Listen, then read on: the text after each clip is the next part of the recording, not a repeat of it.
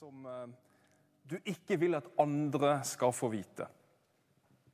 Det sies at alle har vi noe å skjule. Og det er noe sant ved det. Det kan enten være noe ved vår personlighet eller noe som har skjedd i livet vårt. Det kan være ting vi driver med, ting som ikke vi er stolt over. Ja, Det er ikke så rart at vi skjuler ting i livet vårt når samfunnet vi lever i, det er omtrent sånn som det er på boligmarkedet. Ja, Du vet sikkert hvordan det er når du legger ut eh, huset ditt for salg. Det må jo se skikkelig ut. Det må jo være, det må gi godt inntrykk, så ikke det mister verdi.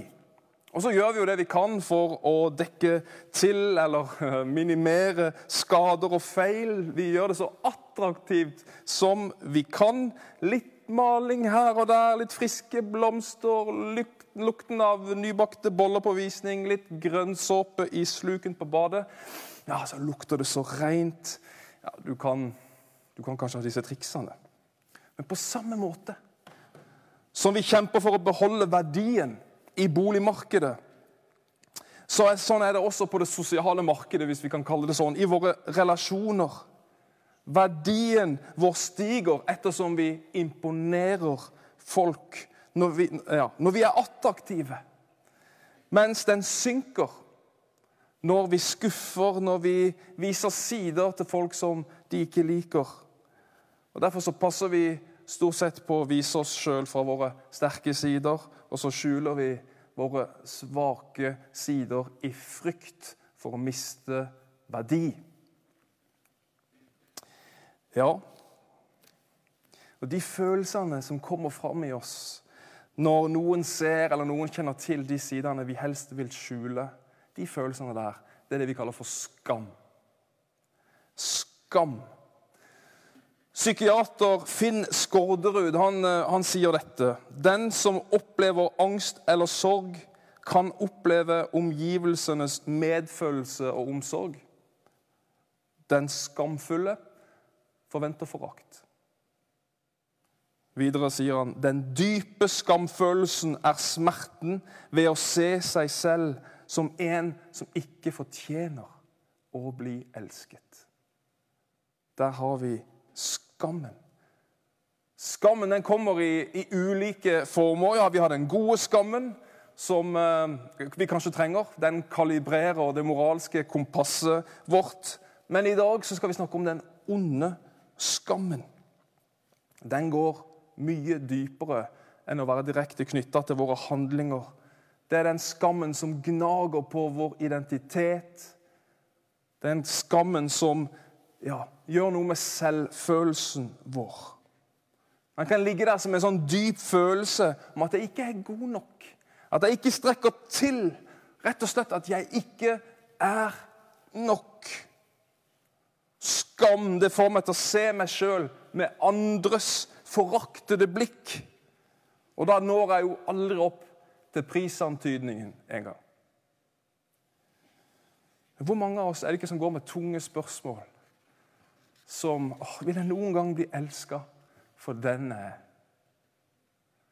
Ja, kan jeg noen gang være en god pappa? Er jeg en god pappa? Er jeg en god mor? Er jeg en god ektefelle? Er jeg en god partner? Eller er jeg god nok? Er jeg, god, er jeg god nok for Gud? Det ligger en sånn dyp eksistensiell uro eller rastløshet i ethvert menneske. Og det kommer til uttrykk på ulike måter. Men skammen er gjerne den store drivkraften bak. Og Psykologer de kan sikkert forklare veldig mye. Takk og lov for de. Men skammen, skammen, sier Bibelen, den kom. Den har vært der siden Adam og Eva trodde på slangens løgn om at Guds kjærlighet ikke var nok. Ja, vi ville sjøl kunne felle dommen over andre mennesker og over oss sjøl med det forferdelige resultatet at de så de var nakne. Skammen kom inn i verden. Plutselig så var det de så, det var ikke godt nok. Og så løper de i skjul for å, for å redde stumpene av det som kanskje hadde verdi, og som var igjen. Guds sannhet om at de var elska for den de var, Det var ikke lenger nok. Og nå var de svake og sårbare mennesker i en farlig verden. Utsatt for andre menneskers syndige dom og avvisning, og ikke minst et mål for den ondes fordømmelse. Og På samme måte så dømmer vi oss sjøl fortsatt. The human race med dobbelt betydning. Dette her stresset, dette kavet. Vi blir aldri morsomme nok. Jeg blir aldri slank nok, jeg blir aldri pen nok, aldri talentfull nok. Ikke sprek nok, ikke vellykket nok, ikke ja, kristen nok. Reise, stresse etter verdi. The human race.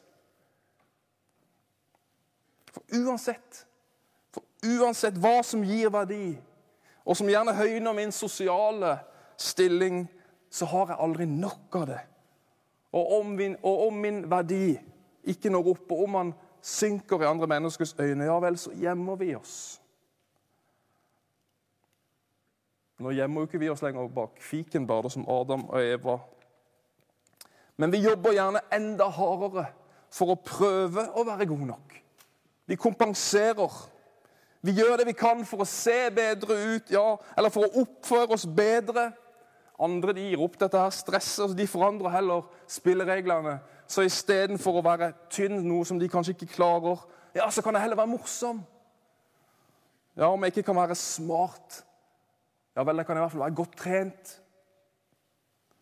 Og Vi gjør det vi kan for å finne en eller annen måte for å holde vår sosiale eller medmenneskelige verdi oppe.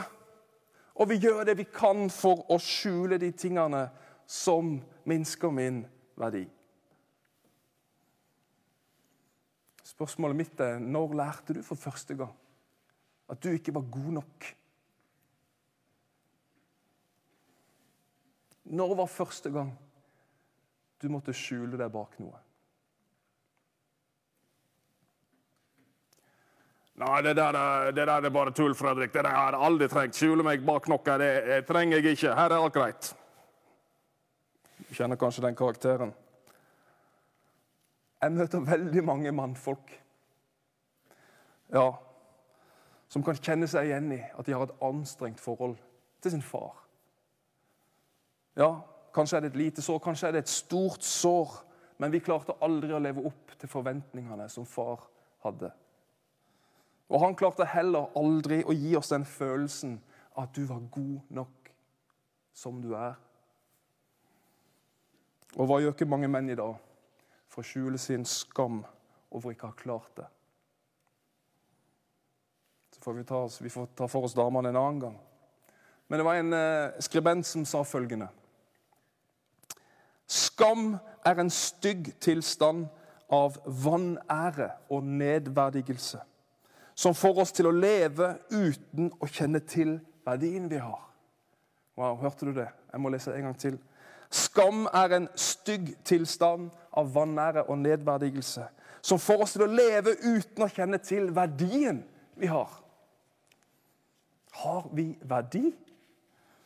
Ja, det fins håp. Det fins håp, og det leder meg til Jesus og korset og sannheten om hans oppstandelse, som er fokuset på gudstjenestene i disse dager. For korset, oppstandelsen, det forandrer jo alt. Takk og lov for det Maria leste fra hebreerbrevet, at Jesus holdt ut på korset uten å bry seg om skammen, for å få den gleden han hadde i vente. Skammen. Jeg tenkte kanskje smerten, men der står det skammen. Men visste du det at korsfestelsen ja, det var jo den mest bestialske og mest brutale henrettelsesmetoden som romerne brukte. Men det var også den mest skamfulle. Offeret ble ydmyka på det groveste. Før korsfestelsen ble Jesus kledd naken. Og så blir han misbrukt fysisk og psykisk de av de mest bestialske soldater. Og for en jødisk mann så var det ingen større skam enn å vise seg naken for andre enn sin hustru. Og her er Jesus naken. Jesus bærer tverrbelken igjennom byen naken fremfor menneskers spott og spytt og spe. Naken henger Jesus på korset. Smerten og ydmykelsen var total.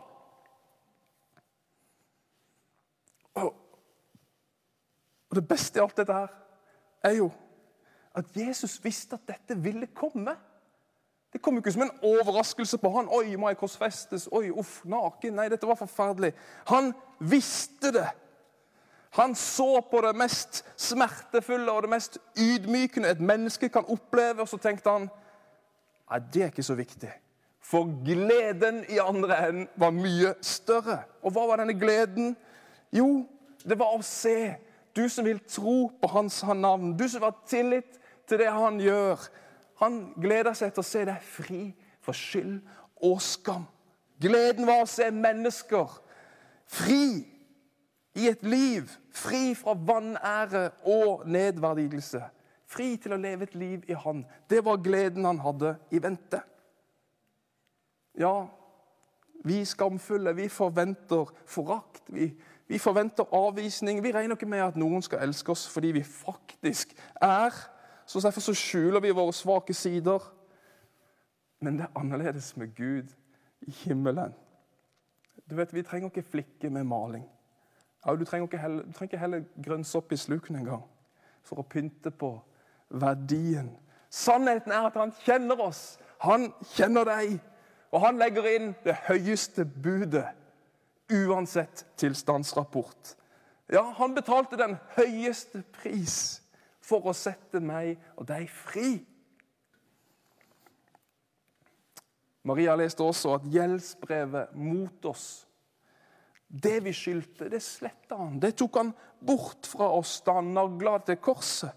Ja, ikke nok med det. Han kledde maktene og åndskreftene nakne og stilte dem fram til spott og spe da han viste seg som seierherre på korset. Hørte du det? Han kledde maktene og åndskreftene nakne og stilte de fram til spott og spe. Ja, til vanære og til skam på det korset. Altså, Jesus ble vår synd, ja, vår vanære. Han ble vår skam. All anklage, den onde skammen, skylden, synden, alt dette ble spikra til korset. Ja, Det så ikke ut som noe seier, men vi vet jo at han sto opp igjen fra de døde. Og Da ydmyker han og seira han over de makter og de åndskrefter som binder oss, og som får oss til å jage etter verdi alle andre steder enn den vi har fra Han som har skapt oss. Derfor så viser Jesu kors din og min sanne verdi. Ditt liv har en uendelig verdi. Du var den gleden han så. Du og meg var den gleden som bar han igjennom smerten og ydmykelsen, ja, døden. Ja, det fins en kjærlighet som ønsker å omfavne hele deg. Også de mørke avkrokene i livet ditt. Det finnes ingen mørke for mørk for han. Så kan vi tenke, men jeg kan aldri virkelig bli elska for den jeg er. Hvis han bare visste, hvis folk bare visste. Nei, men han kan det. Han kan det. Jesus er på jakt for å finne det mennesket som vil bare la seg elske av han. Hans ubetingede kjærlighet. Og uansett hva skammen sier til deg, eller om andre ja, skamferer deg, så skal du vite at sannheten er at du er elska for den du er. Du kan ikke legge noe til, du kan ikke trekke noe fra. Nei, vi trenger ikke å skamme oss for å stå nakne foran Jesus.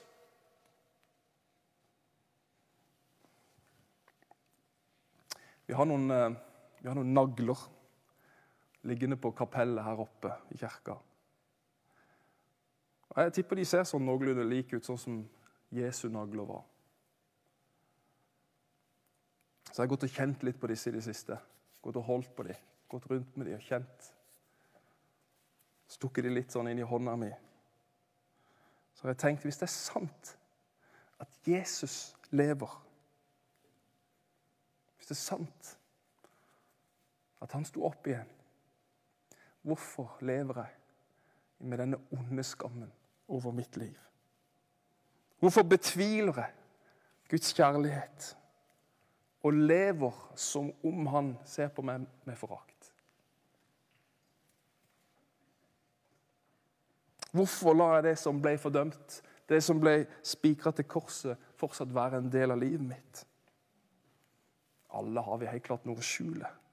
Spørsmålet er hva vi gjør med det. Hva gjør vi med det? Og Hvis du er en av de som sier til deg sjøl 'Jeg er ikke nok. Jeg er ikke god nok. Det er noe feil med meg.' Andre kan bli elska av Gud, men jeg kan ikke det. Om det er slik du har det, ja, da vil Jesus sette deg fri. Du som tror på Jesu døde og oppstandelse. Du som tror på Hans navn. Det er her på korset som jeg sa sist, er det mest sentrale i den kristne tro. Det er her du skal hente din verdi fra. Det er her du kan legge ned den onde skammen. La han sette deg fri. La han triumfere.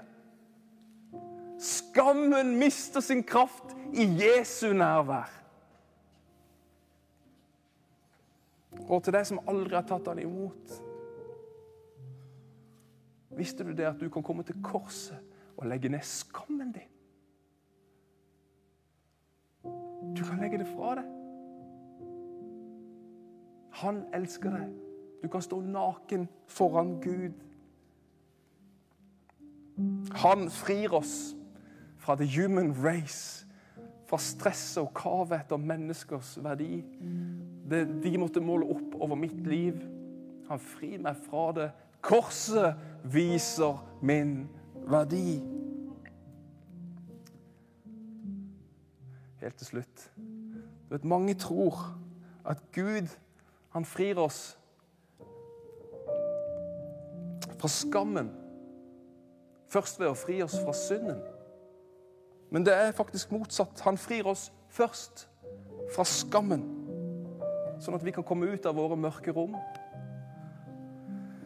Deretter frir han oss fra synd, som igjen gir oss kraft til å leve et liv sammen med han. Det er det jeg kaller nåde. Skal vi be sammen? Herre Jesus, nå vil jeg be for den som kjenner seg full i skam. Den som ikke våger å fremstå og leve åpent og ærlig. Som ikke klarer å være ærlig med seg sjøl engang. Skammen binder. Skammen låser oss fast. Herre, kom. Herre, kom. Hjelp oss å se til korset. Hjelp oss å komme til deg, Herre. For å få tak i, Herre, det du allerede har gitt oss. Friheten. Og så ber jeg, Herre, for den som ikke har trodd, og som har gått på avstand, men som ikke har forstått at det er godt å komme til korset og få legge ned sin byrde og skam. I Jesu navn måtte du få frimodighet i dag. Kraft til å komme til Han som setter deg fri. Gud velsigne deg. Amen.